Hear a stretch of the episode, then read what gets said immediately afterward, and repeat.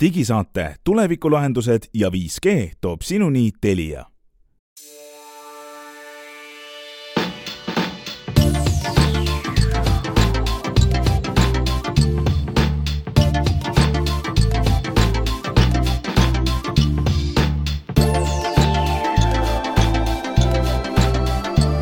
Tere, head kuulajad, kaheksateistkümnenda juuli. Nimetu digisaade teiega. meie oleme teiega siinpool mikrofone Hans Lõugas, Henrik Roonemaa, Glen Pillure. Ja vaatame peale, mida siis selline ilus juulikuine suvi meile toonud. Eh, on toonud ühe telefoni, mis ei ole mitte miski, sest selle nimi on Nothing Phone.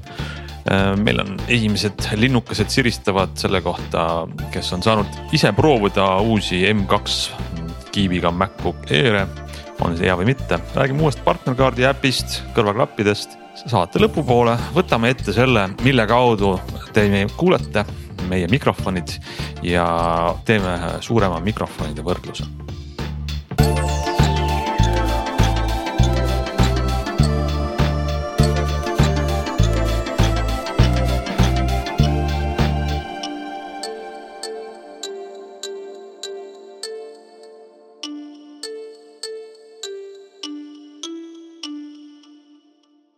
Nonii, räägime siis sellest telefonist, mis ähm, mõned nädalad tagasi juba siin lahkasime seda peatset üle pika aja ühe huvitava telefoni väljatulemist. või vähemalt nii võiks seda raamistada. Nothing Phone on siis telefon, ähm, mis on sellise brändi nagu Nothing, esimene nutitelefon, mis püüab äh, igaval soikunud, paika loksunud äh, nutitelefoni maastikul midagi uut pakkuda. ja ega see kerge ei ole, juba me olime, olime siin paar nädalat tagasi, kui me seda arutasime väga kriitilised, et jõudsime vist välja ideeni, et lõpuks on see kõik kellegi turunduskampaania ja ei midagi enamat. aga nüüd ma saan aru, on päriselt telefon väljas ja, ja esimese vea ma saan siin ära õiendada, ma mingis saates kõvasti lubasin, et et ma olen küll raudselt veendunud, et see telefon tuleb äh, väga kallis või noh, selles mõttes kallis, et kallis nagu kõik telefonid on tänapäeval kallid. aga võta näpust, tuli praktiliselt poole odavam, kui ma oleks arvanud. ehk äh, OnePlusi tegijad kordavad OnePlusi lugu, esimesed OnePlusid olid odavad, esimene Nothing on ka alates neljasaja seitsmekümnest eurost ma arvan, et no ja, ja noh, miinuseks on, eks ole siis see, et, et seal ei ole mingit kõige kõvemat äh, Qualcomm'i Snapdragoni protsessorit, vaid on nii-öelda keskmik, aga. aga ma arvan, et see, kui sa just väga ei mängi kõvasid 3D mänge telefonis, siis tõenäoliselt selles nagu väga vahet isegi ei ole. nii et äh, tuli odav ja tuli muidu täitsa korralike näitajatega kaheksa kuni kaheksa või kaksteist gigabaiti äh, mälu ehk RAM-i ja siis veel sada kakskümmend kaheksa või kakssada viiskümmend kuus gigabaiti salvestusruumi. ja kõik need muud asjad, millest me siin rääkisime saates ka. Äh, korpus paistab läbi ja LED-id seal taga vilguvad kihvtilt ja, ja nii edasi, nii edasi. nii et tegelikult ma arvan, mõnes mõttes täitsa põnev telefon ja, ja osta saab OnePlusi käest otse ja mõnedest muudest kauplustest ka. aga samamoodi mitte OnePlusi, vaid Nothingu käest, Nothingu käest otse mm, -hmm. nagu OnePlusi sai osta OnePlusi käest mm, otse, et nagu, ahah, mõnes jah. mõttes täitsa copy paste ikkagi äh, sellest One, OnePlusi loost. Äh, välja tuleb siis kahekümne esimesel juulil ehk äh, üsna varsti ja see kangem mudel kaheteist gigabaidi mäluga tuleb suve lõpus. ja rohkem selle kohta midagi öelda ei olegi, et ega testijatele ei ole seda veel antud ja ja keegi midagi tema kohta rohkem nagu öelda pole osanud, et me lihtsalt nüüd saime siis teada hinnad ja, ja täpse konfiguratsiooni, aga no eks see lugu ilmselt jätkub. Nädal, nädala-paari pärast. järgmises, ülejärgmises saates me saame juba vahendada seda, mida siis äh, inimesed on öelnud, kellel see päriselt on käes. Ja no võib-olla see tuleb mainida praeguse info kohaselt, osta saab seda eh, Elisast, aga kahjuks mitte vist Eesti Elisast, et äh, välja kuulutati Soome, meile lähim Soome Elisa ja verkkokaupa, aga Eesti edasimüüjaid otseselt nagu ei ole veel kuulda olnud.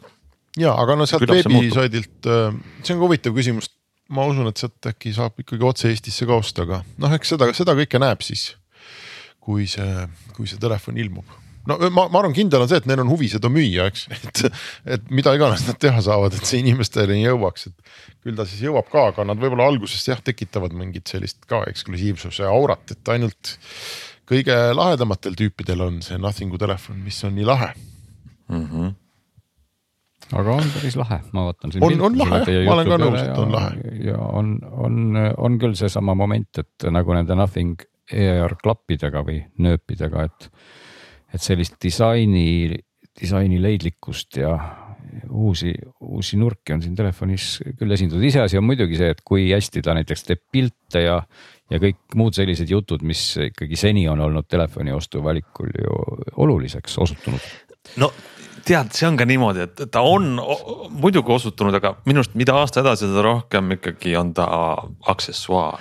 Ühest no, küljest kogu see tehniline no, võimekus jah, tasandub telefonide vahel. Need, on lihtsalt valmis saanud, need pildi, pildi kvaliteet on kõigil hea. sa kannad seda kaasas, inimesed vaatavad, näevad ja nüüd sa oled ähm, nüüd sul on sihuke äge telefon, mis on no. eriline välja, ainulaadne, see ei ole iPhone, see ei ole Samsung see on. aga noh, ainult, ainult välimuse peale ikkagi, sellega ikkagi ka lõpuni ei jõua, see peab ka olema ja. ikkagi hea et no kui me vaatame seda OnePlusi, ma kogu aeg ajan sassi, õudne ähm,. sihtgruppi äh, täiesti teine seda... OÜ on see. Kui me vaatame tema sihtgruppi, et et ta ei ole mõeldud ju sellisele rahulikule keskealisele onklile, eks ole. vaid noh, ta paistab läbi, ta on kihvt, mingid tuled vilguvad, eks on selgelt näha, et ta püüab tõenäoliselt kas lahedamat või sellist tehnoloogia huvilisemat või, või nooremat rahvast. siis noh, siis midagi see telefon peab nagu hästi tegema, eks, et, et kas see on nagu fotod protsessor, me juba rääkisime, ei ole nii hea, et ta oleks nüüd mingi maailma kõige vingem mängutelefon, aga aga midagi ta peab hästi tegema, et sellele noorele tehnoloogia huvilisemale või ma, ma ei tea, mis iganes, eks ole. moodsamale seltskonnale nagu meeldida ja, ja küllap me siis näeme, et mis see midagi on. ma arvan, et see Glen'i äh, tähelepanek, et, et kui hästi ta pilte teeb, et see on kohutavalt oluline, sest kui tuleb välja, et ta teeb pilte halvasti, siis me põhimõtteliselt võime selle telefoniga maha kanda ei no ilmselgelt ta pilte halvasti kindlasti ei tee, et siin on tea, Sony sensor, nagu ma loen ja noh, tarkvara vaevalt see halb on ja kui tuua ka paralleele selle äh, kõrvaklapipaariga, mis nad ju tegid eh, ja mis iseenesest ei olnud üldse halb, eriti selle raha eest, maksid ju sada eurot ja ilmselt täna maksavad vähem ja nagu ma mäletan, meiegi siin saates vist jõudsime järeldusele, et kui sa oled klassiõhtul nende klappidega, siis sa üksi koju ei lähe. et võib-olla selle telefoniga on natukene samamoodi, et, et pilte, vähemalt sul on millestki pilte teha, et võib-olla kui sul on telefon, mis, mis teeb küll väga häid pilte, aga kui sa lähed üksi koju yeah., siis sa võid ainult selfie sid teha, et et selles mõttes äh, on siin point kindlasti olemas ja, ja, ja need noh, ütleme selle, kas oli Karl Pei või kes oli selle mm, -hmm. selle, sellesama äh, mehe, mehe nimi, kes seda asja siin teeb, eks ole, et ega ta siis ju äh, ütleme selles mõttes ei ole loll, eks ole, et kui väga õnnestunult see OnePlus sai käima tõmmatud ja, ja, ja nüüd Nothinguga ka asjad ei ole läinud üldse ju nagu halvasti seniste toodete valguses, et vaevalt selle telefoniga nüüd midagi üllatavalt halba juhtub ja et, et ta sisult kuidagi väga nõrk on selles mõttes. loodame, aga mm, põrutame edasi oma teemadega, vaatame, mm, me oleme siin mitu saadet rääkinud uuest M2 kiibiga MacBook Prost ei midagi head, nagu te mäletate. aga Henrik, ma vaat-, sa said ülevaate äh, siis USA-s on MacBook Airi ülevaated ilmunud ja need esimesed erid on nüüd siis äh, välja tulnud ja seal ka paar märkust lihtsalt. Ähm, et mõned asjad, mida me siin ennustasime, on tõeks osutunud või tõeks osutumas. esimene on see, et mäletame, et, äh, et nendel M2 äh, kiipidega Prodel on, olid kettad aeglasemad, vähemasti siis, kui sa võtad selle kakssada viiskümmend kuus gigabatti mudeli, siis on kettale kirjutamine, lugemine praktiliselt võib poole aeglasem olla kui viissada kaksteist gigabaiti mudelil. ja nagu me ennustasime, täpselt samamoodi on ka sellel Airil ehk selles mõttes nad on väga sarnased. Ja ja ma arvan, et suur küsimärk, kas peaks ostma kahesaja viiekümne kuue gigast Airi, pigem mitte. et pigem siis viissada kaksteist. Ja teine asi, mille üle me siin arutasime, oli see, et kuna uus protsessor on kiirem ja suurem ähm, ja see Air on endiselt passiivjahutuse peal, ventilaatorit ei ole. et kas ta läheb äh, kuumemaks kui äh, vana M1 Air ja kas ta hakkab protsessori kiirust agressiivsemalt äh, alla tooma, sest kuumust on liiga palju. Ähm, testid otseselt seda ei kinnita, et ta oleks nüüd aeglasem kui M1, küll aga, aga Äh, tundub küll, et ta hakkab oma kiirust piirama palju-palju kiiremini kui M1 MacBook Air, sest M1 MacBook Airil see piir oli, ma ei mäleta peast a la üheksa üheksa kuni kaheteist minuti peal või midagi sellist, kus ta noh, võib täie vungiga töötada ja alles siis hakkab protsessor oma kiirust alla tooma. siis sellel uuel oli see palju-palju kiiremaks toodud ja ma ei ole praegu veel jõudnud või, näinud, ei ole minu, minu meelest ka vist välja tulnud väga häid võrdlusi M1 ja M2 MacBook Airi vahel just selle temperatuuri ja kasutusmugavuse osas. et kui see uus kiip on ikkagi suurem ja tekitab rohkem kuumust, et, et kui mugav see uus Air igapäevakasutuses on ähm, testid on olnud kõik väga kiitvad, mingit noh, veidet, peidetud veidrusi ei tundu olevat. aga ma jääks praegu veel ettevaatlikult ootele, et kas teda otseselt soovitada üle selle M1 MacBook Airi või mitte. et võib juhtuda, et, et see, kas see oli eelmisel või üle-eelmisel aastal siis, kuna see M1 MacBook Air välja tuli. et see tuli kogemata Apple'il nii hea et, äh, et on raske sellest äh, paremat arvutit teha või et see tuli mõnes mõttes nagu liiga hea ja, ja nüüd nad hakkavad noh, vaata, et kunstlikult tegema seda ER-i nagu kehvemaks. selleks, et anda inimestele noh, rohkem põhjuseid Prod osta jah, samas ma mõtlen, see on ka kasutus äh, selline ootuste ülesseadmine ja nende maandamine, et, et ega sa ma arvan, et ei tohiks oodata, et sa selle Airiga nüüd teed sellist tööd, mis nõuab pikaajaliselt maksimaalset protsessori jõudlust, et selle jaoks on. seda kindlasti asjad. mitte ja, aga küsimus on selles, kui palju, et kas ja kui palju sa saad seda üldse teha, sest mina oma MacBook Airiga, kui mul on vaja natuke videot lõigata ma saan selle vabalt tehtud, pole mitte mingit probleemi, on ju.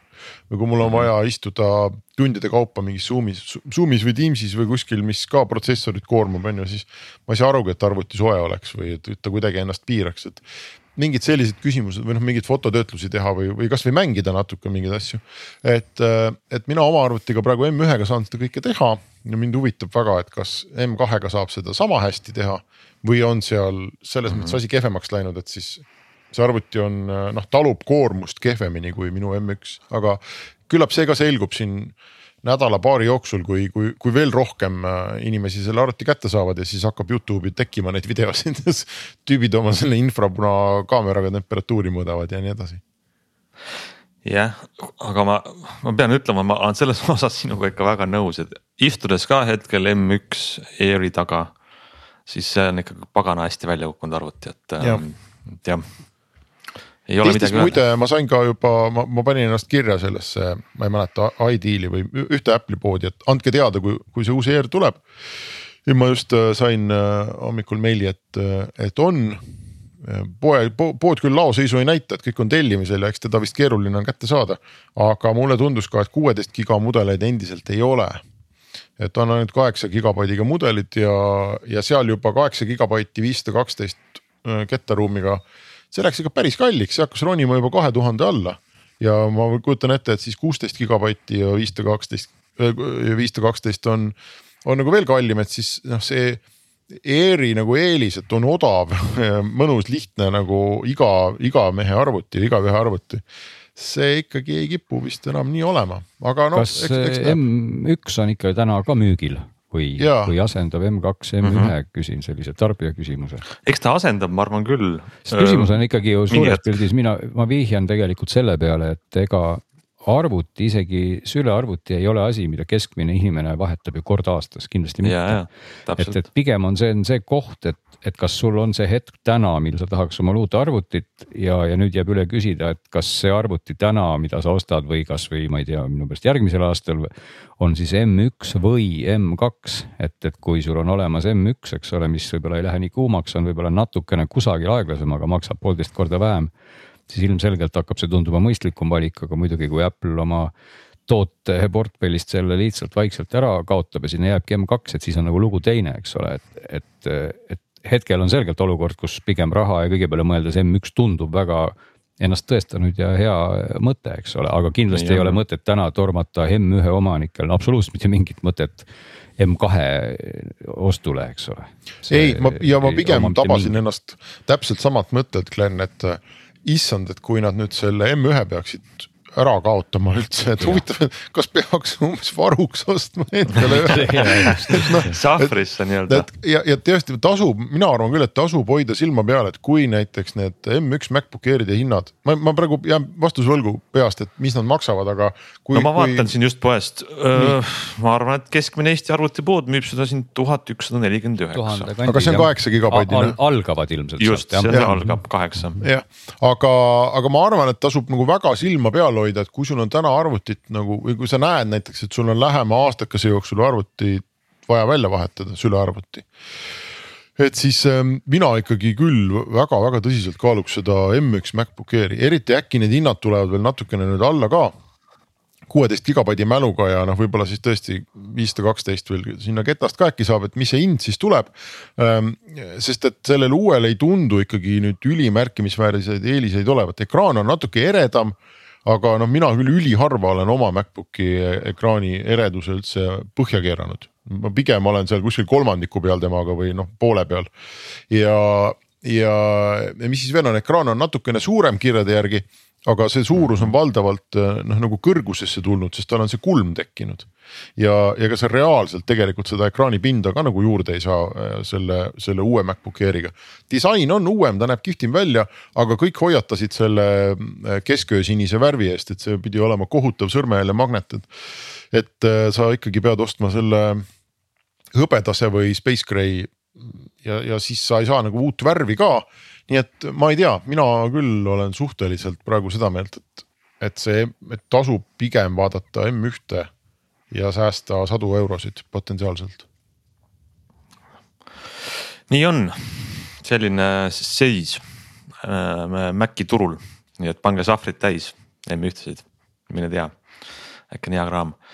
Ähm, mis meil on veel uudist, silma on jäänud internetis äh, sirvides, et on partnerkaardil oma uus äpp.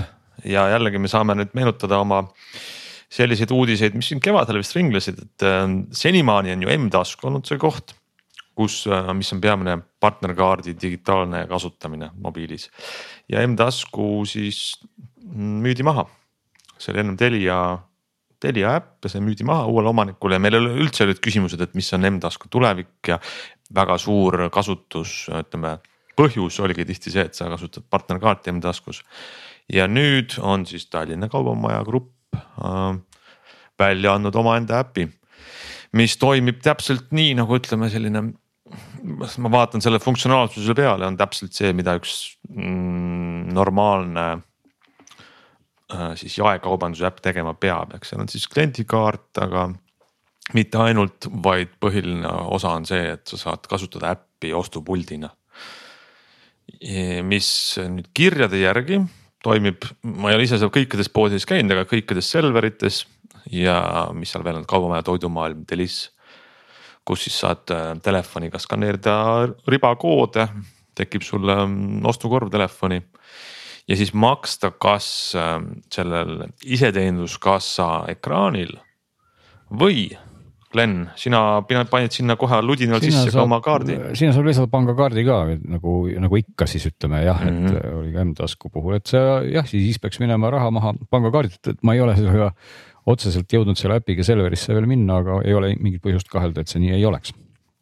nii et äh, lõpuks on siis ka ikkagi võimalus, kui sa ei noh, seesama jutt, et kui sul ei olnud seda partnerkaarti päriselt kaasas ja, ja võisid sa juhtuda olukorda, kus sa ei saanud äh, üldse telefoniga poes käia ja, või noh, pidid nagu mm, ühesõnaga olid pehmelt öeldes hädas, siis nüüd enam seda häda ei ole, kui see äpp on olemas, saad sa tooted sinna sisse skännida ja.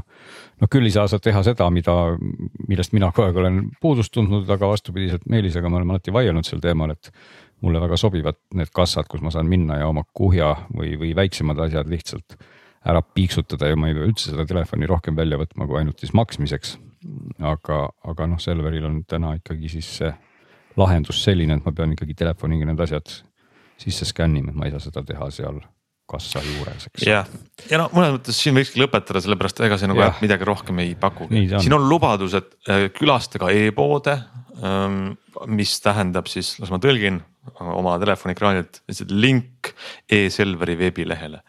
ehk siis ei ole kuidagi eriti vähemalt praegu ei tea ju, mis Selveri plaanid on, aga praegu ei ole see äpp äh, ei, ei, ei paku võimalust otse koju tellida ka toitu. nii.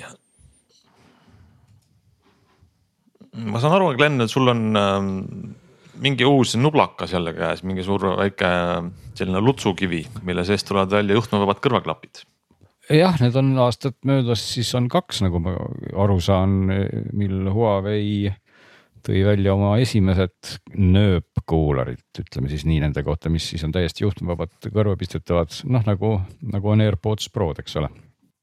Nende esimese versiooni nimega Pro nüüd on siis jõudnud kohale Pro kaks, mis on igas võrdes, kui tutvustust lugeda, siis kõik, kõik võrded on üli, kõik on ülivõrded nii et müra summutavad kõige paremini ja peaks kõige paremini häälitsema ja põhimõtteliselt kõik on seal kõige kõigem. Ja ma olen natukene nüüd jõudnud siis nendega aru saada, et kas see kõik praktikas tõele vastab. ma nüüd ootan, et, sa küsiksid midagi sellist intrigeerivat no kas siis töötab või no, mis ma... need, kas, kas nad vastavad sinu ootustele? No ütleme niimoodi, et eh, kes, kes teab, millised need Huawei eh, klapid üldse on olnud, mis klapid on õige öelda, ma mõtlen, mis ma nende kohta ütlen, need ei ole kõrvaklapid, need on, mis need on, kõrvanööbid. Et kõrvanööbid ja et eh, Huawei disain on olnud natukene noh, ütleme inspiratsiooni on saadud ilmselt Apple'i omaaegsetest, omaaegsest disainist ja, ja näeb, näevad nad välja siuksed natuke nurgelised aga need uued, uus mudel on siis läinud natuke vähem nüüd nurgeliseks, ta on väiksem. nii et igas mõttes on ta selline veidikene vähem, vähem kõrvast tunda, vähem kõrvast ulatub ta välja. et disaini pool on läinud kergemaks, karp on endiselt neil selline ümar, et kui, kui kellelegi meeldib laua peale asetatav karp, siis äh, paraku see karp sinna laua peale püsti ei jää, täpselt nagu eelminegi karp, et eelmine karp oli ka no, taskus on ta muidugi väga mugav selle arvelt, aga jah, käes, käes sa pead seda siis karpi hoidma. Kõrvaklappe saab karbist väga hästi kätte, et eelmine versioon oli mm, kurikuulus selle poolest, et ei saanud mitte kuidagi neid sealt karbist kätte, selleks lõpuks oli mingi eraldi instruktsioon, mis Huawei avaldas, kuhu tuleb näpp pista ja neid sealt välja tõmmata, sest nad lihtsalt ei tulnud kätte, nad olid nii libedad. vaat see on hea, kui sa pead manuali panema kaasa. siin, siin seda on. probleemi enam ei ole.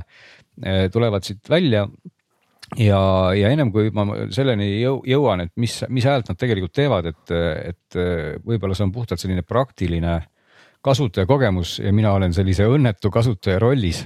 aga, aga minu esimene, esimene mulje, kui ma need klapid võtsin, panin oma tavalise Android telefoni külge, milleks oli OnePlus ja, ja siis avastasin, et klapid kuidagi noh, et kõik need teoorias lubatud ootused nagu on väga kaugel tõest ja olin ka suhteliselt nukker, et kuidagi ei kõlanud nagu hästi ja ei, ma ei, ma ei saanud üldse aru nagu, mis juhtub, aga, aga siis äh, olin vahepeal siin ära tulles tagasi ja need võtsin siis klapid uue hooga kätte ja avastasin tegelikult paar asja, mis osutusid väga-väga oluliseks. et esimene asi on loomulikult see, et see kehtib paljude klappide puhul või nööpide puhul, et, et need otsikud oleks õiged, et minul olid seal vaikimisi küljes nagu M-suuruses otsikud tavaliselt. mul ei ole mingid hiidkõrvad ja need M-suuruses otsikud nagu on oma asja hästi ajanud, et see on väga oluline heli mõttes, et, et see otsik sinu kõrvakujuga sobituks või noh, oleks ikkagi kuidagi tihedalt seal kõrvas ja, ja kui ma sinna otsa siis võtsin karbist L-suuruses otsikud, mis välja näevad hirmuäratavalt suured aga, aga kuidagi need istuvad minu kõrvas ilmselt nii palju paremini, et see oli üks faktor, miks asi muutus ja teine asi, mis ei ole üldse väheoluline, oli see, et et Huawei'l on ju teadagi tarkvaraga natukene siin probleemid, kui me räägime eriti Google'ist, eks ole. siis äh, nende originaal või noh äpi poes saadaolev äpp, mille nimi on siis ai Life, see ai Life on see äpp, mis, mis on vajalik nende klappide seadistamiseks ja kõigeks. sellest ei ole seal Google'i Play Store'is mm, viimast äh, versiooni või noh, kui, kui see ka on viimane, siis ühesõnaga see on niivõrd segane, et minul oli OnePlusi sees siis mingisugune versioon sellest ai Life'ist, mis justkui oli kõik väga okei okay,, sealt olid puudu pooled seadistused ja noh, ta, ta oli kuidagi nagu poolik ja ma tegin sellest alguses ennatliku järelduse, et, et see on Android telefoni probleem, et Android telefoniga ei, ei noh, selles mõttes mitte Android, sorry, Google'i telefoni probleem, peaks olema ainult mhm. -huh. Huawei telefon. et siis on asi hästi ja ma otsisingi Huawei telefoni ja tõepoolest, seal olid kõik need seadistused ja asjad olemas. Aga noh, ma ei andnud nii kergesti alla, ma lõpuks kustutasin siis oma OnePlusist ära kõik selle Huawei kraami, alates siis sellest äpp gallery'st, kus neid asju tõmmatakse ja siis tõmbasin selle äpp gallery otse Huawei lehelt ja, ja siis läbi selle ka selle uuesti täiesti siis selle ai Life nimelise Huawei ähm, keskkonna. Ja siis otse kui võluväel hakkasid need asjad tööle ehk et äh, natukene netis ringi vaadates ma nägin, et ma ei olnud päris üksi selle probleemiga, et nii mõneski kohas olid ka kommentaarid, et aga ainult Huawei telefoniga te saate seal equalizer eid ja kõiki imepäraseid asju proovida. et muidu neid ei ole, tegelikult need on, aga lihtsalt võib juhtuda, et kui seal on mingi vanem versioon sellest äpist, siis automaatika mingil põhjusel, ta ei, ta ei uuenda seda äppi ära, ehk et äh, automaatika ütleb küll, et see justkui on uus ja, ja kõik on okei okay,, aga see ei ole uus ja siis see uus äpp tegi ka kõrvaklappidele uuenduse ja vot kõikide nende asjade kombinatsioonis, kui ma panin siis sinna need uued otsikud, mis olid suuremad ja sain ka lõpuks selle uue äpi ja kõrvaklapid said uue tarkvara, siis põhimõtteliselt muutus ikkagi ööpäevaks, võib piltlikult öelda. et need klapid osutusid tõesti peaaegu nii heaks kui lubatud. ma vahepeal tõmban hinge natukene ja, ja ühesõnaga, see oli pikk teekond sinna ja sa jõudsid sihile, aga see oli ikkagi päris keeruline, sa pead ikkagi oma telefoni hankima seda tarkvara igalt no, no vaat, kõikvõimalikul moel. see on, see on tegelikult asi, mida jah, mis on, nagu ma ütlengi, puhtalt selline kasutajakogemus, mis võib-olla ei ole üldse nii, kui juhtumisi on see juba mingi kokkupuude Huawei selle äpiga. aga kui nüüd sellest edasi minna, siis ühesõnaga, mida need klapid siis teevad, kuidas nad kõlavad, siis peab ütlema tõepoolest, et eh, sees on neil vist esmakordselt, ma julgeks lausa väita, nad on teinud koostööd sellise prantsuse eh, või ütleme ka siis luksusaudio brändiga, mille nime ilmselt paljud ei tea, Devialet või ma ei tea, kuidas seda hääldatakse De,, Devialet või, või kuidagi niimoodi, see on Prantsuse selline noh, suhteliselt võib-olla mitte väga suur, aga see-eest sihukene nimekas kõlari ja kihvtide audiolahenduste tootja, kes positsioneerib, positsioneerib ennast sellisesse noh, mõnevõrra ikkagi luksuslik, luksuslikumasse hiifi klassi. et selle firmaga on nad siis aasta läbi neid asju lihvinud ja siin sees on siis kaks valjuhääldit, siin on nagu madalsagedus, ütleme siis nagu lai riba, mis mängib, mängib madalaid sagedusi alates neljateistkümnest hertsist siis kusagile kõrgemale. on siis üheteist millimeetrine valjuhääldi, aga sellele lisaks on siis äh, niinimetatud planar või see tähendab siis nagu tasapinnaline tillukene element mis on siis puhtalt kõrgete sageduste jaoks ja mille kõrgete sageduste spekter siis ulatub väidetavalt neljakümne kaheksa kilohertsini mis on no,, sobiks jällegi nahkhiirtele väga hästi, aga teoreetiliselt on siis nende klappide sagedusvahemik üli-ülisuur. nii et eh, nad on juba oma füüsiliselt nagu insener-tehniliselt lahenduselt kahtlemata väga ägedad. ja siis on siin terve hunnik mikrofone, kummaski klapis on neid, kui ma ei eksi, jälle kolm mis siis mõõdavad siis heli nii kõrva sees olevast osast kui ka väljastpoolt. ja siis on seal äpis olemas ka tõesti väga hästi toimiv kümneribaline equalizer. et kui peaks mingil põhjusel olema tahtmist seal näiteks nihutada kuuteist kilohertsi või ütleme ikkagi sellist sagedust, mis juba hakkab sellise meieealise inimese jaoks võib-olla vaikselt ulatusest välja libisema, siis see on seal ka olemas. kõige madalam sagedus, mida reguleerida on kuuskümmend hertsi, et väga madal bass. ja, ja see equalizer ta töötab tõesti hästi, et, et tihti on need equalizer'id, mis tihti enamasti on nad ikkagi väiksemate arvuga ribadega, eks ole, Sony pakub siin, kui ma ei eksi, kas oli viis-kuus riba. et suhteliselt sihukese labakindaga saad muuta, et seal sa saad päris täpselt seda häälestada helipilti, kui sa peaks tahtma, aga, aga peab ütlema, et et nad kõlavad tõesti hästi, et kui see otsik on õige, tarkvara on viimane, sellega on kõik korras, siis kui ta kõrvas istub hästi, siis siis ma julgeks öelda, et, et minu lemmik on siin pikki aegu olnud see Samsung Galaxy Buds Pro. et, et ma isegi ütleks, et Huawei'd on tõesti nüüd sellest, ma tõstaks ettepoole. mitte palju, et Samsungid on ka väga-väga hea kõlaga, sellise avara, aga, aga Huawei'l see bassi osa on tõesti väga väga tüse ja väga mõnus, aga ma veel kord rõhutan, nad peavad olema hästi kõrvas, et on osad sellised kuularid, mis, mis, mis võib-olla ei vaja nii hästi kuidagi kõrva sobitamist ja kõlavad ka suht hästi, siis siin minu jaoks vähemalt oli see erinevus väga suur, et. et kui see otsik ei ole päris õige, siis, siis nad ei ole nii head. ja noh, muidu on nad sellised igi ja veekindlad ikkagi natukene ja kõik muud, muud sellised omadused on täitsa okeid, juhtmevaba laadimine, kiirlaadimine. Neid saab endiselt nagu ka eelmisi Huawei klappe, et sa saad helitugevust muuta siis libistades nendel pulgakestel seal, et, et mis on iseenesest -hmm. päris hea lahendus, et sa saad siis üles-alla nihutades muuta heli ja siis, kui sa pigistad neid, siis sa saad seal siis valida mida iganes, režiime, panna lugusid seisma, et kõik see juhtimine toimib täitsa mõnusasti.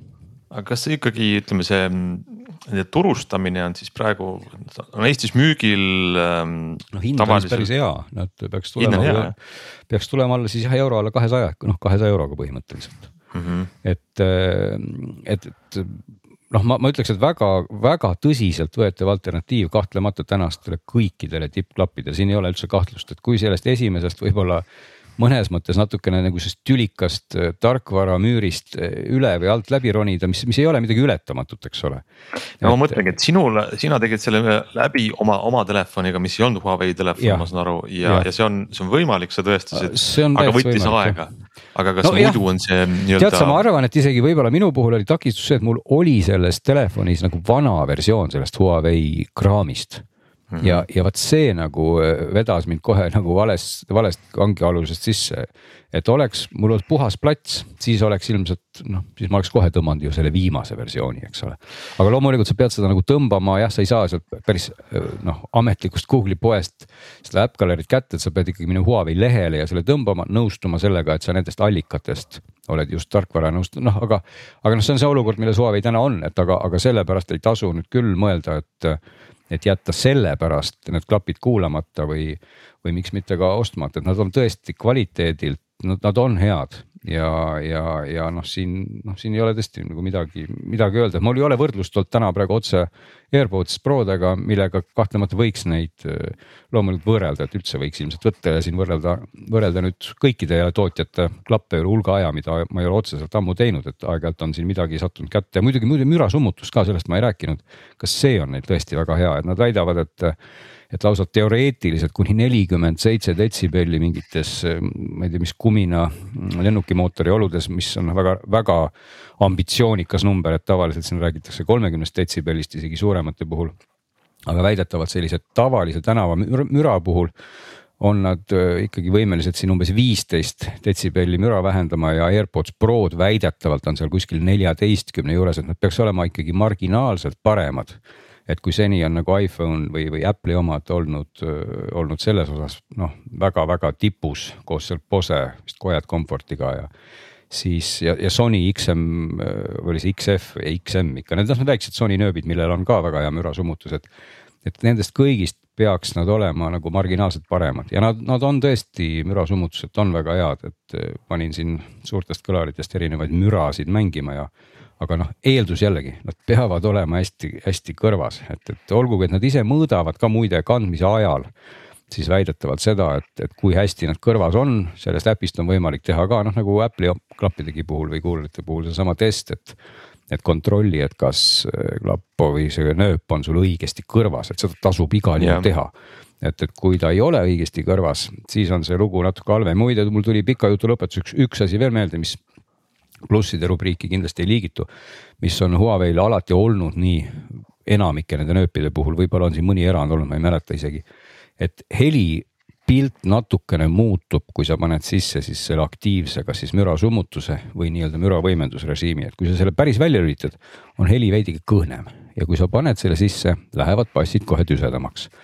et ilmselt enamike inimeste jaoks ei oma see nagu mingit tähtsust, sest tõenäoliselt neid kuulatakse alati seal aktiivrežiimis. noh, on sul see mürasummutus sees, kuna klapid on nii-öelda intelligentsed, nad reguleerivad seda mürasummutuse nivood tegelikult ise. sa ei pea nagu vaeva nägema, kas sa oled parajasti seal kuskil lennukis konditsioneeri all või, või tänavamüras, mis on nagu erinev. aga kui sa võtad selle mürasummutuse näiteks päris välja, et sa oled näiteks, ma ei tea, oma toas, kus on vaikne siis tegelikult läheb heli ka grammi võrra kehvemaks, et põhimõtteliselt peaks ikkagi sellise tüsedama ja, ja säravama pildi puhul hoidma seda mürasummutust kogu aeg sees, et see on olnud, see on olnud mitmete Huawei nööpide puhul nii see ei ole enamik teiste puhul nii, et seal ei ole vahet, kui sa võtad näiteks AirPods idel selle välja või sisse, eks. huvitav leida, aga tead, mul on hoopis ka täiesti sihuke ebaõiglane või mm, võrdlus küsimus siin, et sest me alustasime saadet äh, uue tulijaga Nothing Phone, kellel ju Nothing ähm, kõrvaklappe sa oled proovinud, mis on juba turul, mis on ja. täpselt kaks korda soodsamas hinnakategoorias. Ähm, ja, ja, ja sel- ja sellisena nagu funktsionaalsena nad pakuvad noh sarnast nagu kõrvasisesed ja mürasummutus aktiivne ja.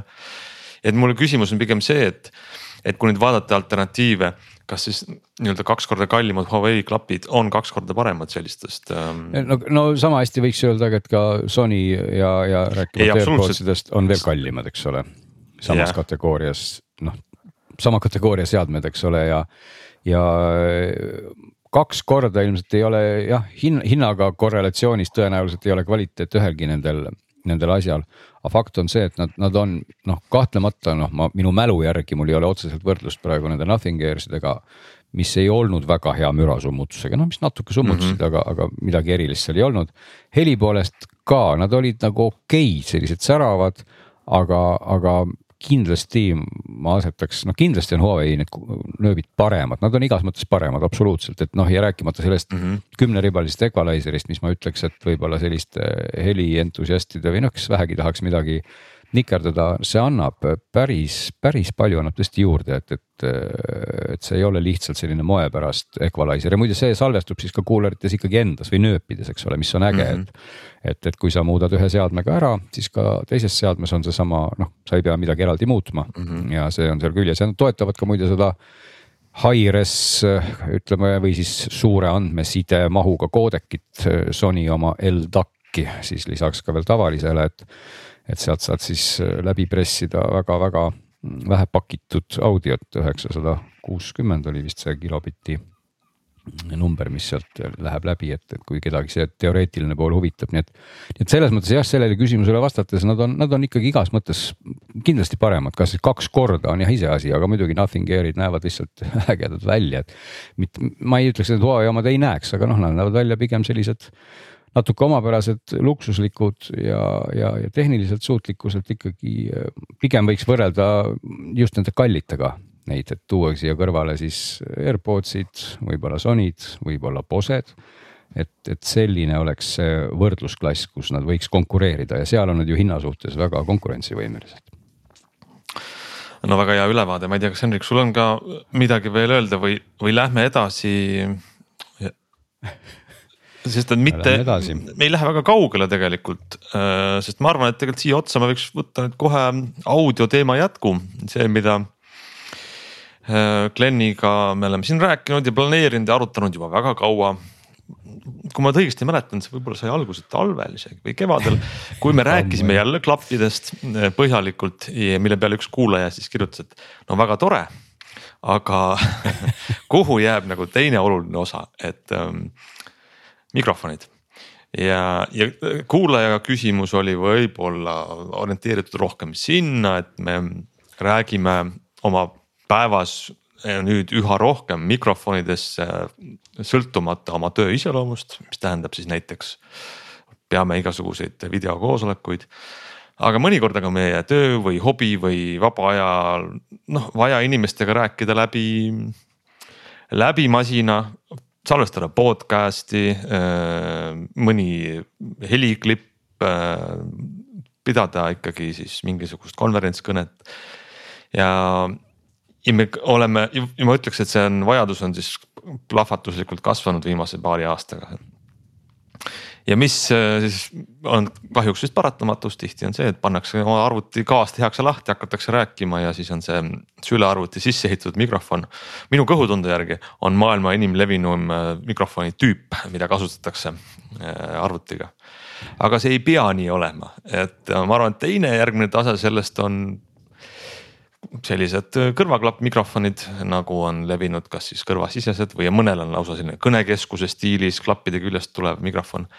aga meie mõtlesime, et vaatame asjale natukene tõsisemalt otsa ja, ja Glen, sa võtsid oma südameasjaks võrrelda äh, päris mitut erinevat mikrofoni, mida saab ühendada arvutiga ja mis sobib siis nii no ütle ise, kas nõudlikumale või vähem nõudlikumale arvuti ja mikrofoni heli kasutajale ja neid mikrofone oli kokku neliteist, ma kirjutasin sellest äh, peaaegu täis terve digi ühe numbri, ma ei tea, millal see nüüd on, ma arvan, see on juba ilmselt lettidel, sest me oleme seda nii kaua seda, see mikrofoni jutt on lihtsalt nii pikk saba ja sarvedega, et see ei ole mahtunud kusagile ja nüüd me vähemalt võtame siis sarvedest kinni, et, et kas saba ka mahub, ma ei tea, sest et siin, siin võibki alustada ju nii kaugelt, et, et noh, esiteks vaadata üldse, mis asi see mikrofon on, kuidas neid nagu liigitatakse, et, et siin on, me räägime mõistest dünaamiline või siis räägime kondensaator, need on väga olulised mõisted mikrofonide mm -hmm. maailmas. aga no sisulises plaanis need mikrofonid, mida siis, kuhu ma sihiku keerasin, on kõik äh, niinimetatud USB mikrofonid ehk et need on mikrofonid, kuhu on siis juba sisse ehitatud konverter, mis teeb siis analoogsignaali digitaalseks ja, ja mikrofoni vaja siis arvutiga ühendamiseks mingit nii-öelda helikaarti või, või mitte noh, pulti või mida iganes, et sa saad siis pista selle otse arvuti USB porti ja uh mhm. -huh. salvestada, et need kõik olid sellised mikrofonid, neliteist tükki ja seal olid siis sees mõned dünaamilised, enamus neist on kondensaator no seal, ma ei tea, Henrik võib ilmselt ka sellest meile pikalt rääkida, mis neil on erinevust aga.... no aga teeme lühidalt selgeks ikkagi, mis, äh, miks on, mis on ühe plussid-miinused ja miks need erinevad on? ma arvan, et ma võib-olla meil no, sellesse tehnoloogiasse ei pea nagu täna minema. süvenema, aga ei pea jah. jah ja., aga, aga põhimõtteliselt kui nagu väga äh,, väga nagu suures plaanis kaheks jagada, siis äh, dünaamilised mikrofonid on äh,, kuidas ma ütlen, tuimemad sa pead neile rääkima lähemalt sisse, neid tuleb nagu kõvemini üles võimendada. ja, ja nende heli noh, tavaliselt ei ole nii loomutruu kui kondensaatormikrofonil, aga mina, ma nüüd võib-olla ruttan ette sellest Glenni soovitustest, aga ja võib-olla me hakkame vaidlema. aga selliseks nagu igamehe, jumal teab, mis olukorra, jumal teab, mis ruumi mikrofoniks mina pigem soovitaks dünaamilist mikrofoni. minul on hästi palju nüüd siin mitu aastat kogemusi olnud podcast'ide salvestamisega erinevates keskkondades, eks ma hetkel olen siin ühes vanas maamajas ja ma olen salvestanud autos ja, ja väga erinevates mingites kontoriruumides ja elutubades ja jumal teab kus kohas. ja, ja saatekülalised samamoodi. et siis nende kondensaatorite probleem, kuigi nad teevad ideaaltingimustes paremat heli või nad salvestavad häält paremini kui, kui dünaamilised mikrofonid. siis nende probleem on just seesama, et selle mündi teine pool, et nad on jube tundlikud tavaliselt. ja see tähendab, et kui kui see ruum ei ole sul hea, kui seal kajab, äh, kui äh, seal ei ole vaikne, sul ukse taga keegi sehkendab, sebib, lapsed ajavad mingeid asju või oled kontoris, kus teised inimesed arutavad midagi. et siis üldjuhul need äh, kondensaatormikrofonid korjavad selle mõnusasti kõik üles, mis ukse taga ka toimub või mis toas toimub. ja, ja see jõuab sinna salvestusse sisse. dünaamilised on tuimad, nemad kuulevad noh, pigem seda, mis nendel otse ees toimub ja see, kui kõrvaltoas äh, lapsed iPad'i pärast kisklevad, see ei pruugigi üldse mikrofoni jõuda. et nad ei ole nii nõudlikud ja, ja nende see, aga seetõttu ka nende esitatud, dünaamiliste esitatud nagu tulemus ei ole nii hea. aga mulle ka tundub, et üheksakümmend üheksa koma üheksa üheksa üheksa protsenti inimestest ei ole võimelised äh, igapäevakasutuses vahet tegema, kas sa salvestasid mingi asja viiekümne eurose või viie tuhande eurose mikrofoniga. kui selleks on, noh, see on lihtsalt mingi selline, ma ei tea äh,, Zoom'i koosolek või, äh, või võib-olla podcast on ju, et me ei räägi nüüd siin džässivokaali nagu salvestamisest no,. just äh,. no siin on jah nüüd ütleme, see, see aspekt, eks ole siin kindlasti otseselt vaielda ei ole mõtet, et suures plaanis seda võibki nii liigitada täpselt nagu, nagu Hendrik rääkis, eks ole.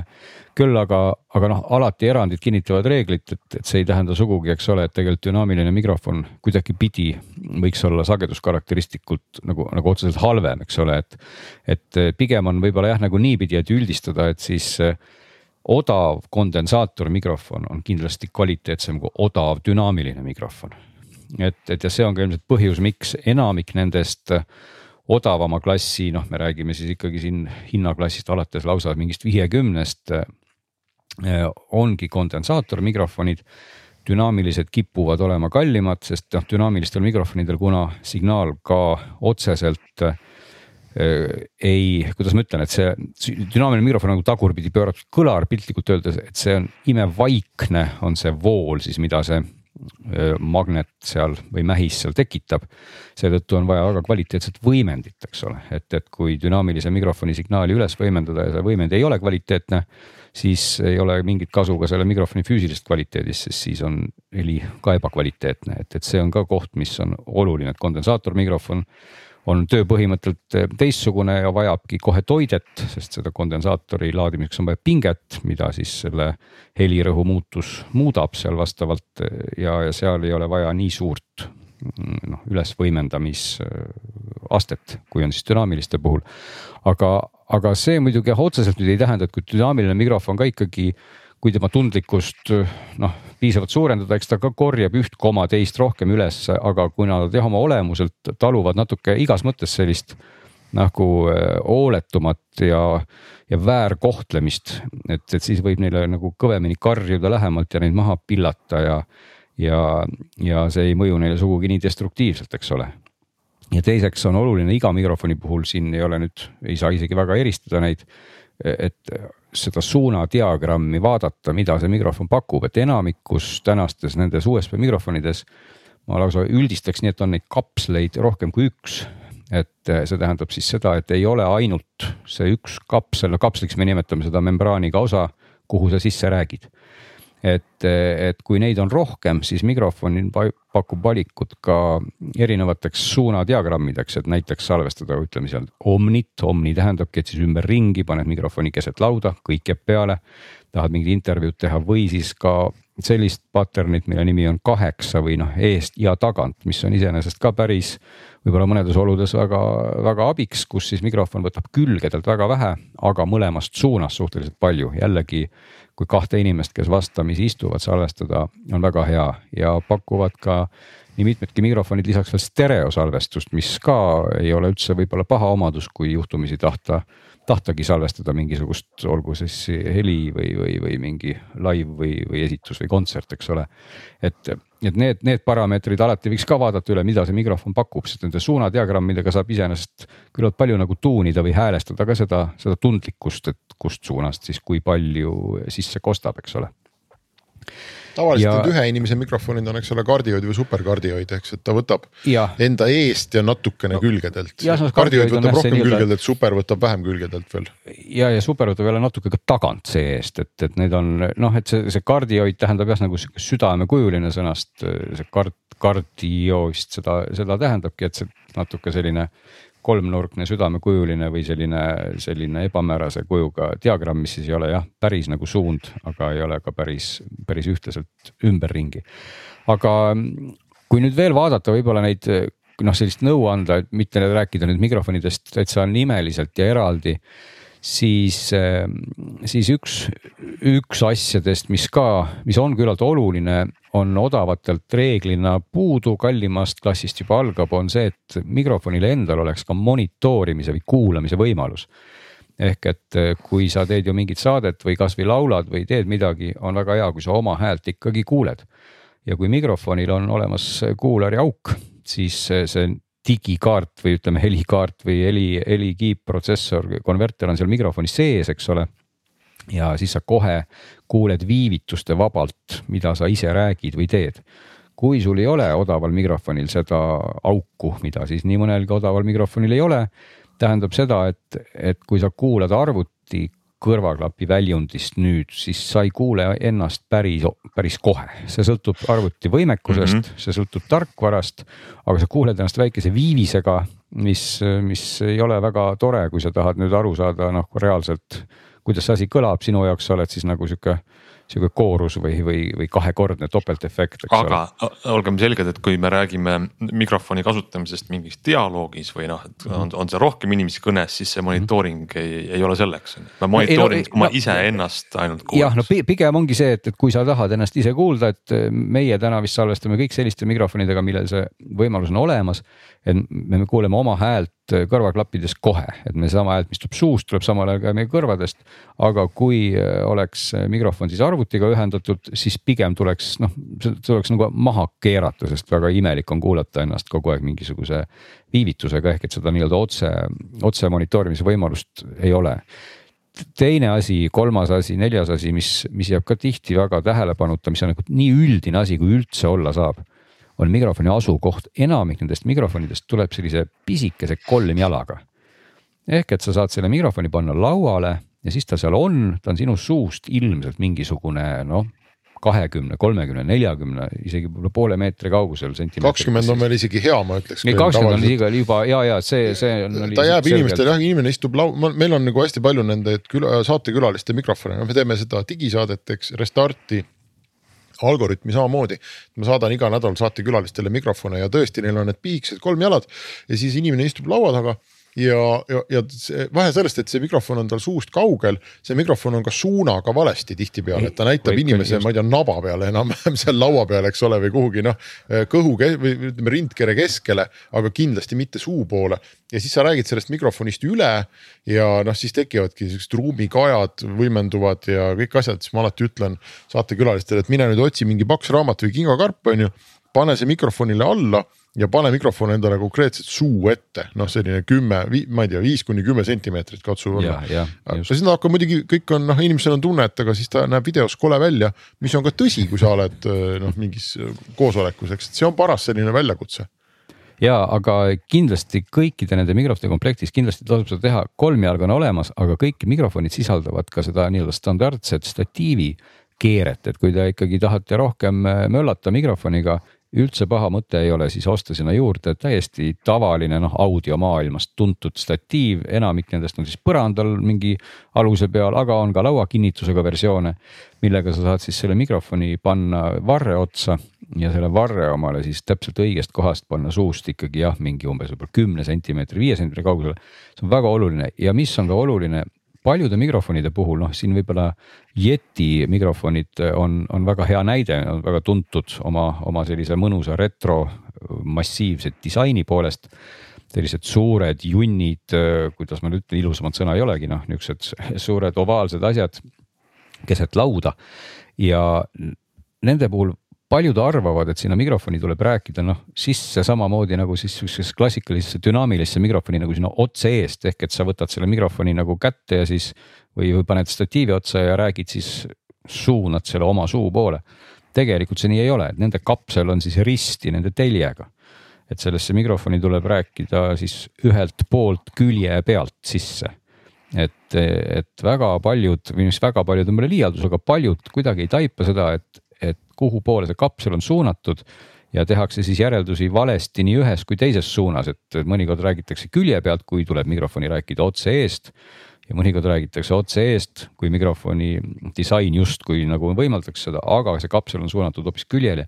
et kindlasti tasub sellega eksperimenteerida, kui mitte siis juba manuaali. tasuks manuaalist vaadata, et kus, kuhu oma mikrofonis ikkagi rääkida tuleks. kus poole see element sealt sees pandud on. sellega saab igast nalja ja mõnikord inimesed keeravad selle mikrofoni üldse tagurpidi, et, et noh, räägivad talle tagumikust sisse ja noh, siis ei ole ikkagi see. absoluutselt mitte, et, et, et ükskõik kui hea see mikrofon ei ole, kui rääkida jah valest august ja valest poolt, siis läheb see kõik, siis on see kõik kasutatud, need on nagu mhm. täitsa sellised, sellised noh, üldised nõuanded ja, ja kolmas, neljas, viies, kuues üldine nõuanne on ka see, et osad mikrofonid tulevad siis niinimetatud puhumisfiltriga, millele see on juba sisse ehitatud, aga jällegi paljud odavamad ja mitte üldse odavamad, vaid ka nii paljud ka kallimad mikrofonid. Nad ei ole selle puhumisfiltriga, puhumisfilter siis tähendab seda, et, et noh, niimoodi puh, tehes ei juhtu mingit katastroofi. aga kui seda filtrit ei ole, siis igasugune puu, tuul ja, ja põh teeb kohe suure mütaka, mis noh, ütleme järeltöötluses sa võib-olla veel kuidagi silud selle ära, aga kui see on nüüd otsesaade või otse, otsekoosolek, siis on see väga tüütu, kui keegi paugutab sinna sisse. ehk et selleks siis jällegi, kas, kui mikrofoni karbis seda ei ole, oleks vaja võtta siis puhumisfilter, mis on siis selline võre või sukk mingisuguse asja otsas või noh, on siin kas SWAM-ist osadel odavamatel mikrofonidel ka täitsa toimivaid lahendusi. kumb parem on, kas selline metalline võre? parem, aga ta on välja. ja ta noh, kui sa veel sukaga ette paned, siis võib juhtuda jah, et ilusam nägu ja ka koledam jääb sinna suka taha täiesti varju, et võib-olla üks silm paistab sealt üle ja ja ongi kõik, eks ole, aga, aga nii mitmedki tootjad, noh, siin Rode tuli mulle esimesena meelde, Rode podcaster, dünaamiline mikrofon, kus siis kõik see elu on sees, eks ole, et kõik need filtrid, kõik asjad, et. et mikrofon ise näeb välja kui tavaline, aga ei ole seda probleemi, aga mõned teised on, kus see probleem on. et siis tuleb vaadata, kui karbis seda ei ole siis kindlasti sellega tegeleda, mitte hakata väga kaugelt rääkima, sest noh, jällegi, mida kaugemalt sa räägid, seda vähem sa neid ja sinna sisse teed, aga seda kõhnemaks äh, läheb ka noh, heli, heli nagu sound üldse. veidi siis, aitab ka see, kui panna see mikrofon, et mitte niimoodi, et sa räägid talle otse lagi pähe, eks ole, otse ja, sisse. võtad natuke viltu. No, natukene nii, viltu pigem mm. näitab su suu nurga poole, et siis see mm, -hmm. see ka juba natukene nagu aitab. puhud mööda, eks ole, nii-öelda see on, see on ka täitsa toimiv, toimiv nõuanne absoluutselt aga siis, kui nüüd helist rääkida, et loomulikult kõik need mikrofonid jällegi, kõik need neliteist tükki olid vähem või rohkem erinevad, et sellest ilmselt jõuame kahjuks pikalt või isegi lühidalt mitte rääkida, et me kakskümmend neli tundi täis ei räägiks, eks ole. küll aga, aga mis on ka üks oluline nüanss, mis selle, nende USB mikrofonide puhul esile tuleb, et, et mõned, mõnedel mikrofonidel, keda või mida ei olnud seal väga palju aga siiski olid, Shure'i oma meenub mul esimesena, Presonuse omad. Ka oli vist, oli see JBL ja veel keegi, kellel teataval rohkem või vähemal määral on siis võimalus reaalajas seda heli muuta, mis on ausalt öeldes väga väga oluline omadus, kui sa näiteks mingit laivi salvestad või, või noh, miks mitte ka saadet. kui sa tahad kohe kõlada hästi, ehk et ma mõtlen siis seda, et noh, Presonuse Shure'i puhul on väga hästi lahendatud see pool, et mul on tarkvaraliselt võimalik seda mikrofoni sees olevat äh, heliprotsessorit juba seadistada, ehk et minu jutu rääkimise ajal ma saan equalizer'it keerata. ma saan mingit kompressorit rakendada, mingit limiteri seal võib-olla. ja, ja see kõik kokku tähendab, et ma saan juba mikrofonist kätte palju-palju parema heli, et muidu ma piirdun sellega, mida see mikrofon teeb ja, ja siis ma kõlangi koosolekul täpselt nii halvasti või hästi, kui see mikrofon parajasti kõlab kui ma teen mingit järeltöödeldavat asja, siis muidugi sa võid võtta selle pärast omal helitöötlusprogrammis lahti ja hakata seal kompresseerima ja möllama ja keerama sealt sära ja võtma ära basse ja. ja tegema sellest helist siukse, nagu sa tahad, aga laivis otsesaatena seda teha ei saa. sestap eh, seal jah, nagu jäid selle poolest väga heas mõttes jäid just mulle sõelale Presonus ja Shure. et nende mõlema puhul, seal oli mitu mikrofoni mõlemalt oli see tarkvara väga-väga äge, sa said equalizer'it keerata, täpselt seda kompressorit ja Presonuse puhul oli, tasub veel rõhutada, et see tarkvara oli nagu omamoodi isegi sihuke virtuaalne nagu mikserpult, mis võimaldas kombineerida siis allikaid erinevatest arvutiprogrammidest, pluss siis erinevatest noh, tähendab see seda, et keegi helistab, teed kellelegi Skype'i kõne võtad selle eraldi heebli alla, eks ole, siis mikrofon on sul eraldi heebli all, võib-olla sa tahad seal mingit mängu striimida, võtad Youtube'i mingisuguse asja lahti, see on veel eraldi sisendi all. ehk sul on võimalik nagu tekitada selline kompleksne süsteem erinevatest sisenditest, kõiki neid saad sa siis ka efektidega tuunida, kui vaja on, kõiki saad reaalajas liigutada. ehk nagu omamoodi täiesti selline keskne mikserpult tekib sellest mikrofonist, et see mikrofon on lihtsalt nagu üks, üks väike liides selles asjas. et see Presonuse puhul äh, oli väga kihvtilt lahendatud just, just sellist, noh selliste asjade tarbeks, kus on tõesti rohkem osalisi. Rode puhul tasub jällegi positiivselt meenutada või, või mainida, et Rode võimaldab osad mikrofonid, milleks, kui ma ei eksi, olid kas Rodecaster ja USB mini, et Rode valikus oli veel ka lihtsalt Rode NT USB, sellega see asi ei toimi, aga Rode Connect on siis selle tarkvara nimi, mis võimaldab ühendada mitu mikrofoni ühe arvutiga, mis on ka tavaliselt asi, mida ei saa teha, et kui sa paned omale selle mikrofoni muidu USB porti ja paned nüüd veel ühe mikrofoni, siis läheb kohe lugu halvaks, sest et kõik helisalvestusprogrammid tahavad teada, et mida sa kasutad, sa ei saa panna korraga sinna mingit mitut mikrofoni, et see Rode äpp võimaldab siis neid USB mikrofone kasutada kuni neli tükki. kui nad on siis juhtumisi sul um, USB mini või Rodecaster ja siis sa saad noh kasutada ka seda selliseks no ühe laua taga istuvate koosolekute või, või saadete salvestusel, noh see äpp võimaldas seal siis kohe natuke ka mingeid efekte lisada ja asju teha. Aga küll aga sellist reaalaja helitöötlust ja sellist miksimisvõimalust oli erinevatest allikatest nii suures valikus ei olnud nagu, nagu näiteks Presonus, eks ole, pakub. ja erinevatel tootjatel noh, on kõigil seal natukene erinevaid lahendusi, näiteks Elgato oli selline firma, mis mulle praegu meenub, kes pakkus võimalusi siis kasutada ka äh, VST-sid või noh, standardseid nagu neid heli muutmis plugin'e, kes helimaailmas äh, tegutseb, teab väga hästi, mis need on VST-d et sa võisid siis reaalajas laadida läbi nende äpi kohe ka siis arvutisiseseid VST-sid kasutamiseks, aga selle miinus oli see, et siis tekkis jälle see nii-öelda hilistumine või latency kui võimas on su arvuti, nii et, et seal ei saa nagu otseselt jälle rääkida, et see reaalajas väga hästi töötas, et. et sa saad neid sinna küll panna, mingeid equalizer eid ja, ja asju, aga sa ei, noh, sa ei saa monitoorida neid päris otse, et JBL-il oli ka sarnane võimalus, aga äpp oli ainult Windowsi jaoks, kui mu nüüd jälle mälu mind mm -hmm. praegu ei peta mis, mis oli ka nagu mõnes mõttes totter, et Maci inimesed jälle vaatasid, et tat-tat-tat ja, ja ei saagi. ja otse monitooringu heli vist sai ka keerata ainult äpist, aga, aga, aga äpp oli ainult Windowsi oma.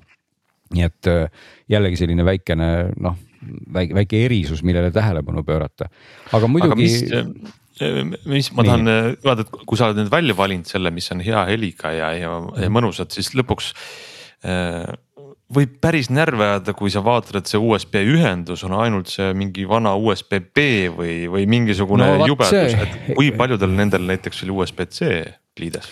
Nendel oli täitsa niimoodi, et kõike oli, ütleme, et, et kui ma ei eksi, siis olid need Presonused kindlasti, millel oli USB-C, olid ka, kas oli Rode või mõne, ühesõnaga oli mikreid, millel on USB-C, teisalt olid tootjad nagu sama Yeti, kes on väga kuulus ja tuntud. Nende puhul võib lihtsalt öelda seda, et see Yeti Blue ja, ja mis need klassikalised mikrofonid on, kuna need on olnud mudelid kui sellised on juba, ma ei tea, mis aastast alates mingi kaks tuhat pluss millegagi, et nad on, nad on tegelikult nii vanad mudelid, mida on natukene siis kõpitsetud. ja, ja seal oli veel kasutusel mini USB, et nad ei ole mm. isegi seda, seda porti mm. nagu nii ära uuendanud, et paljudel oli ikkagi see mikro mõnel aga see on mikrofonipoolne, eks ole, Glen, millest sa räägid, et. just, just no, see on see väike. see, kuidas ja... seda arvutisse saata no., seal on miljon võimalust, et ei, no, erinevad kaablid, erinevad üleminekud. ei no arvutisse sa pistad ikka sellesama USB nagu tavalise laia ja, mm -hmm. otsiku, et loomulikult äh, sa võid ka panna jah, kui sul on arvutis USB-C port ja mikrofonis ka USB-C, keegi ei keela sulle panemast ka USB-C juhet siis, mille mõlemas otsas on see USB-C, eks ole. mitte ei keela, vaid just seda tahakski väga panna. ja seda sa saad siis panna, eks ole, aga, aga, aga paljudel mikrofonidel oli jah ikka see kõige kõige ajaloolisem mini USB ka, aga noh, teisalt, kui see juhe on sul olemas, see on selle mikrofoniga koos.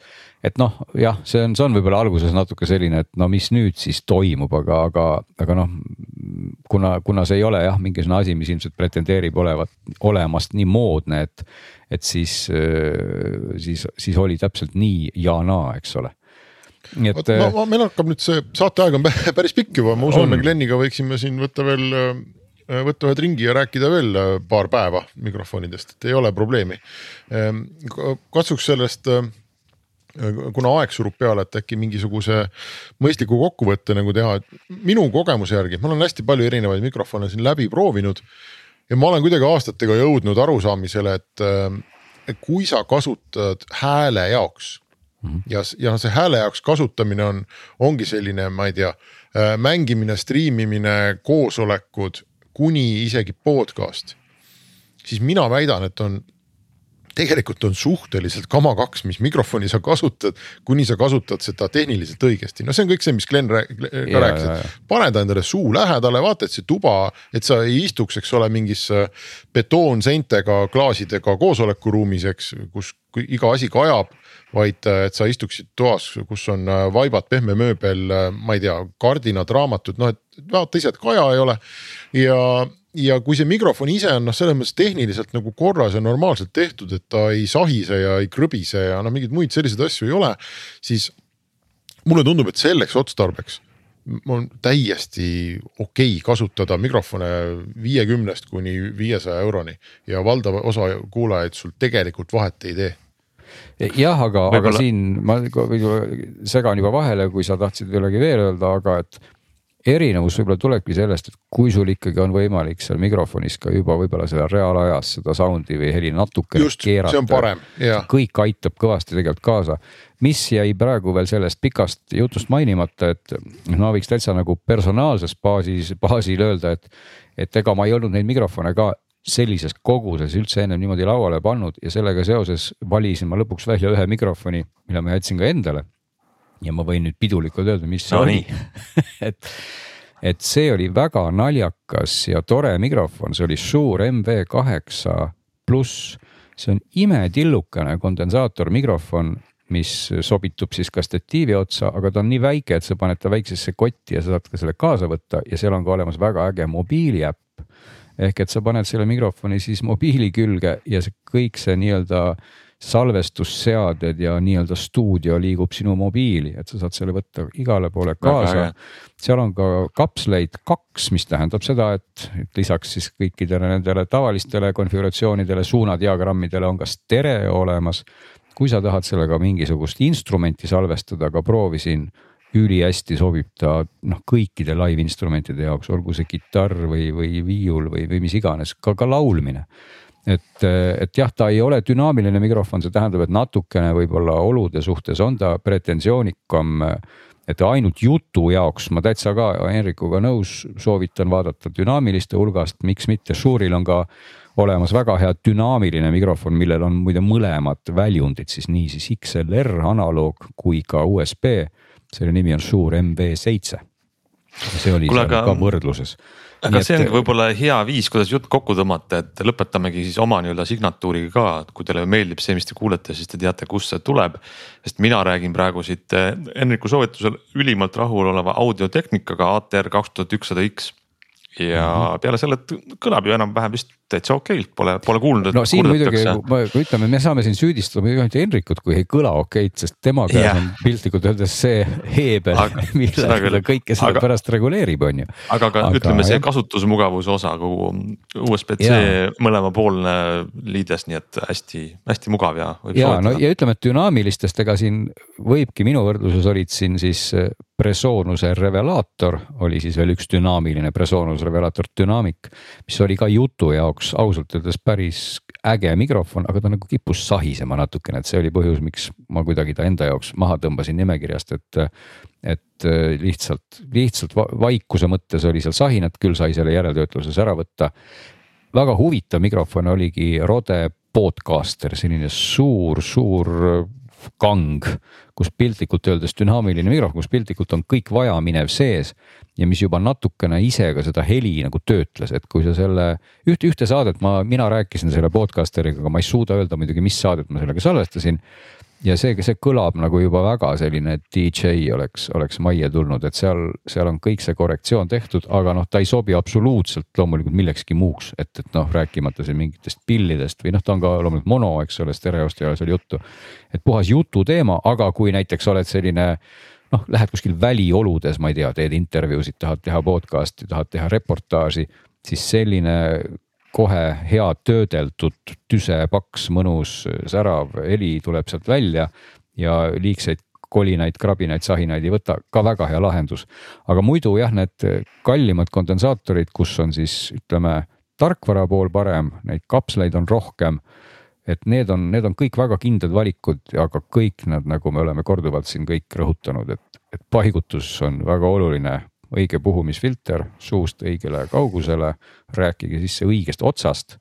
ja, ja siis juba hakkab kõik olema palju parem, et meie räägime praegu suhteliselt lähedalt vist kõik, et Ants pani omale ja. raamatud sinna sellele kolmik, kolmikjalale alla minul on sellise statiivi otsas suhteliselt suule nagu väga lähedal, et noh, mida mina lähemale sa. lihtsalt ennast mikrofonile, muutsin enda asendit, et olla mikrofoni. et, et noh, natuke on see pool, et kui sa lähed nagu hästi lähedale, siis võib juhtuda, et seal nii mõnedki mikrofonid olid ka, mis võtavad basse liiga palju, et isegi kui mina roniks siia noh, panen lihtsalt suhu, siis ma noh, siis ta hakkab klippima ja, ja bassi ots läheb suuremaks ja mida kaugemale sa lähed, nüüd ma läksin juba vaata nii kaugele.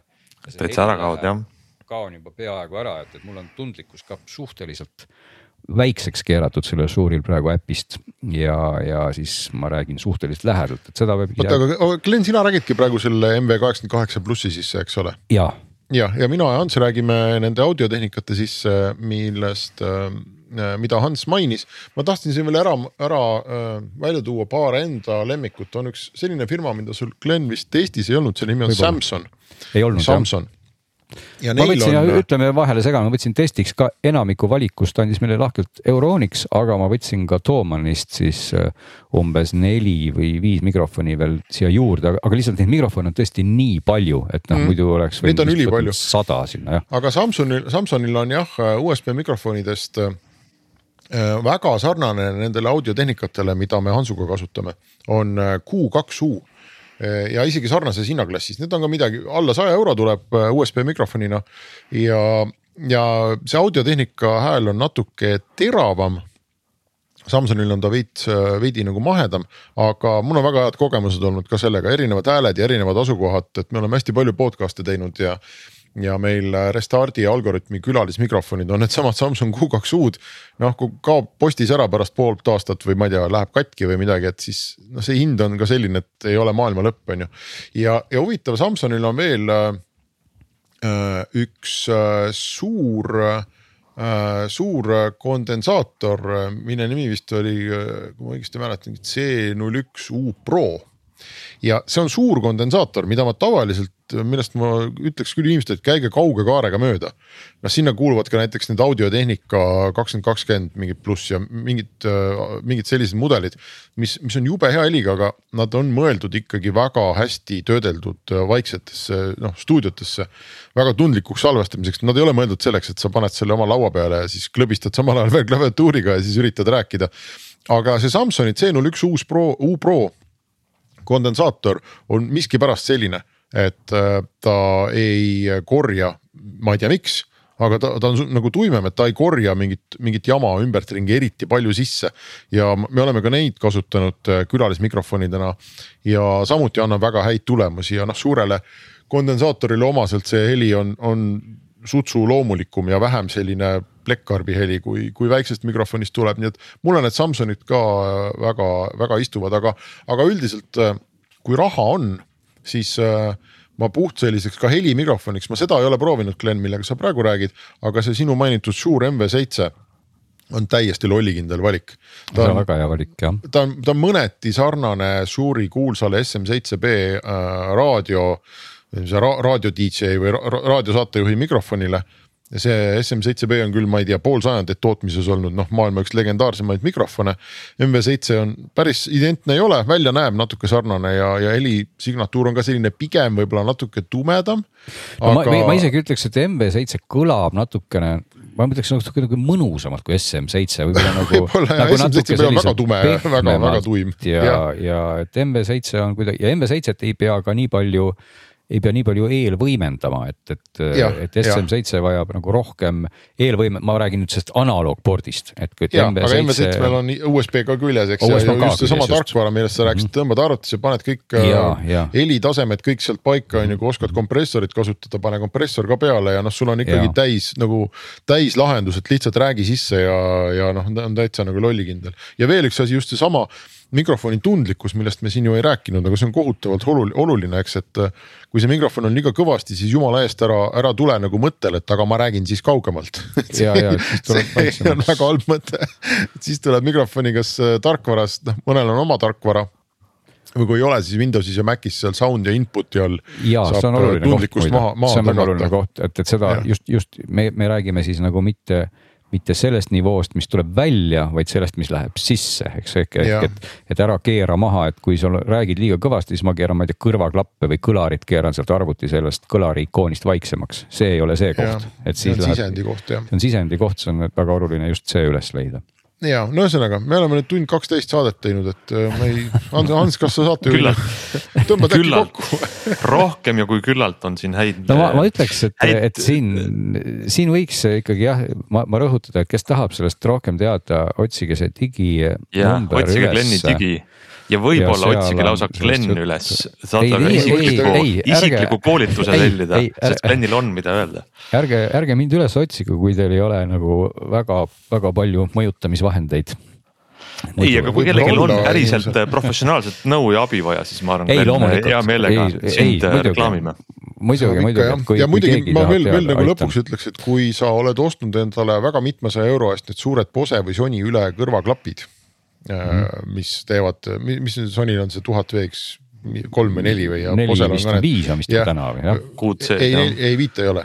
ei ole viite või, oled sa kindel, ma peaks vaidlema hakata kohe, kas viimane, kas viimane ei olnud viis, mis välja tuli või? igatahes vahet pole, kui sa oled ostnud need mingi, ma ei tea, kolme või neljasaja euro eest ja arvad, et noh, nüüd sa oled koosolekute kunn on ju, sest seal on väga head ei, mikrofonid sees, siis ei. palun äh, kuula ennast mõnikord, kui sul õnnestub saada, need on suhteliselt halvad ja jubedad. VH tuhat XM5 ja, ja. ongi ja. juba viis väljas. on viimane mudel. muide huvi meelest rääkides, mul on, ma võtsin ühed klapid, ma täna, täna, täna, täna mitte, aga, aga ma võtsin need Vite Rassast need klapid ja tahtsin need kuulata, ma ei olegi jõudnud sinnani. aga muide sellest mikrofonidest me oleme, ma mõtlen nendest kõrvaklappide mikrofonidest me oleme ju alati ka rääkinud selles võtmes, et, et ega ilmselt otseselt ei saa võib-olla süüdistada nende kõrvaklappide mikrofoni kvaliteeti, mina pigem kaldun arvama, et seal on kusagil kusagil tõlkes läheb see heli nii-öelda kaduma. Bluetoothi, aga, aga noh, ikkagi ta on ka suust eemal, olgem ausad no,. jah, ta ei asu selle koha peal. Ja, ja, ja aga noh, igal juhul loomulikult, kui sa paned need üliägedad ja kihvtid klapid pähe, et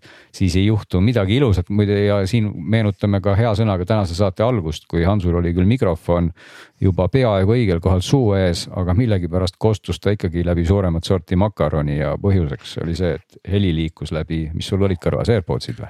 ja läbi AirPodside ja. mis ei ja, ole ka muide eriti head. Äh, nad ja. on, nad on, mina nagu arvan, et nad on isegi paremad kui need suured Sonyd, aga mitte nii palju paremad ja muide ja. üks asi veel, mis ei ole head minu kogemuse järgi, on need äh, vist Logitechil ja kellelgi on need mänguriklapid, vaata, kus mikrofon tuleb varrega suu ette. Nad on paremad head Mm -hmm. Nad on paremad kui, kui noh, ütleme, sul on ikkagi mikrofon suu ees, eks ole mm, -hmm. see on igal juhul parem kui see, et sul on mikrofon kõrva küljes mm. -hmm. aga see heli on selline terav ja ebameeldiv minu meelest väga tihti, nii et ma pigem mm -hmm. ei soovita ka neid äh, kasutada mm. -hmm no ütleme, et veel no, siis ma tahan Olga. ühe lõpu veel teha, oota, loo, et üks lause veel, et, et selles mõttes, et, et kui ise te juhtumisi ei ole selline helihuviline keeraja, reguleerija, töötleja. et siis ikkagi võib-olla tasuks natukene rohkem maksta ja võtta selles mõttes kvaliteetsem mikrofon, millel on siis kas see helitöötlusvõimalus sees, võib-olla heli parem. no olgu see kasvõi seesama Rode podcaster või mis iganes, mis juba annab nagu kohe sellise hea, hea maa, parema tulemuse, sest kui võtta mõni odav mikrofon, seal üks Marantsi oma vist maksiski mingi viiskümmend millegagi eurot, mis ma Amazonist tellisin prooviks mis oli tegelikult täiesti okei okay,, aga sellise särava tulemuse jaoks vajas ta nagu natukene järgi aitamist. ja pluss koosoleku ajal ikkagi sa ka midagi järele ei säti, eks, see peab ikkagi ja... nagu otse juba hästi kõlama. just, et siis, siis pigem panna natukene juurde ja võib-olla nagu seda mitte kõige odavamat osta, kui nii nagu väga-väga üldistada, et ühesõnaga, kui on teadmisi rohkem, siis võib-olla raha vähem ja vastupidi vist, eks ole. okei okay,, meie aeg on, me oleme kaks saadet teinud ühes. kõik kuulajad said praegu teise saate tasuta, nii et nautige olge mõnusad, järgmine nädal oleme teiega tagasi, nägemist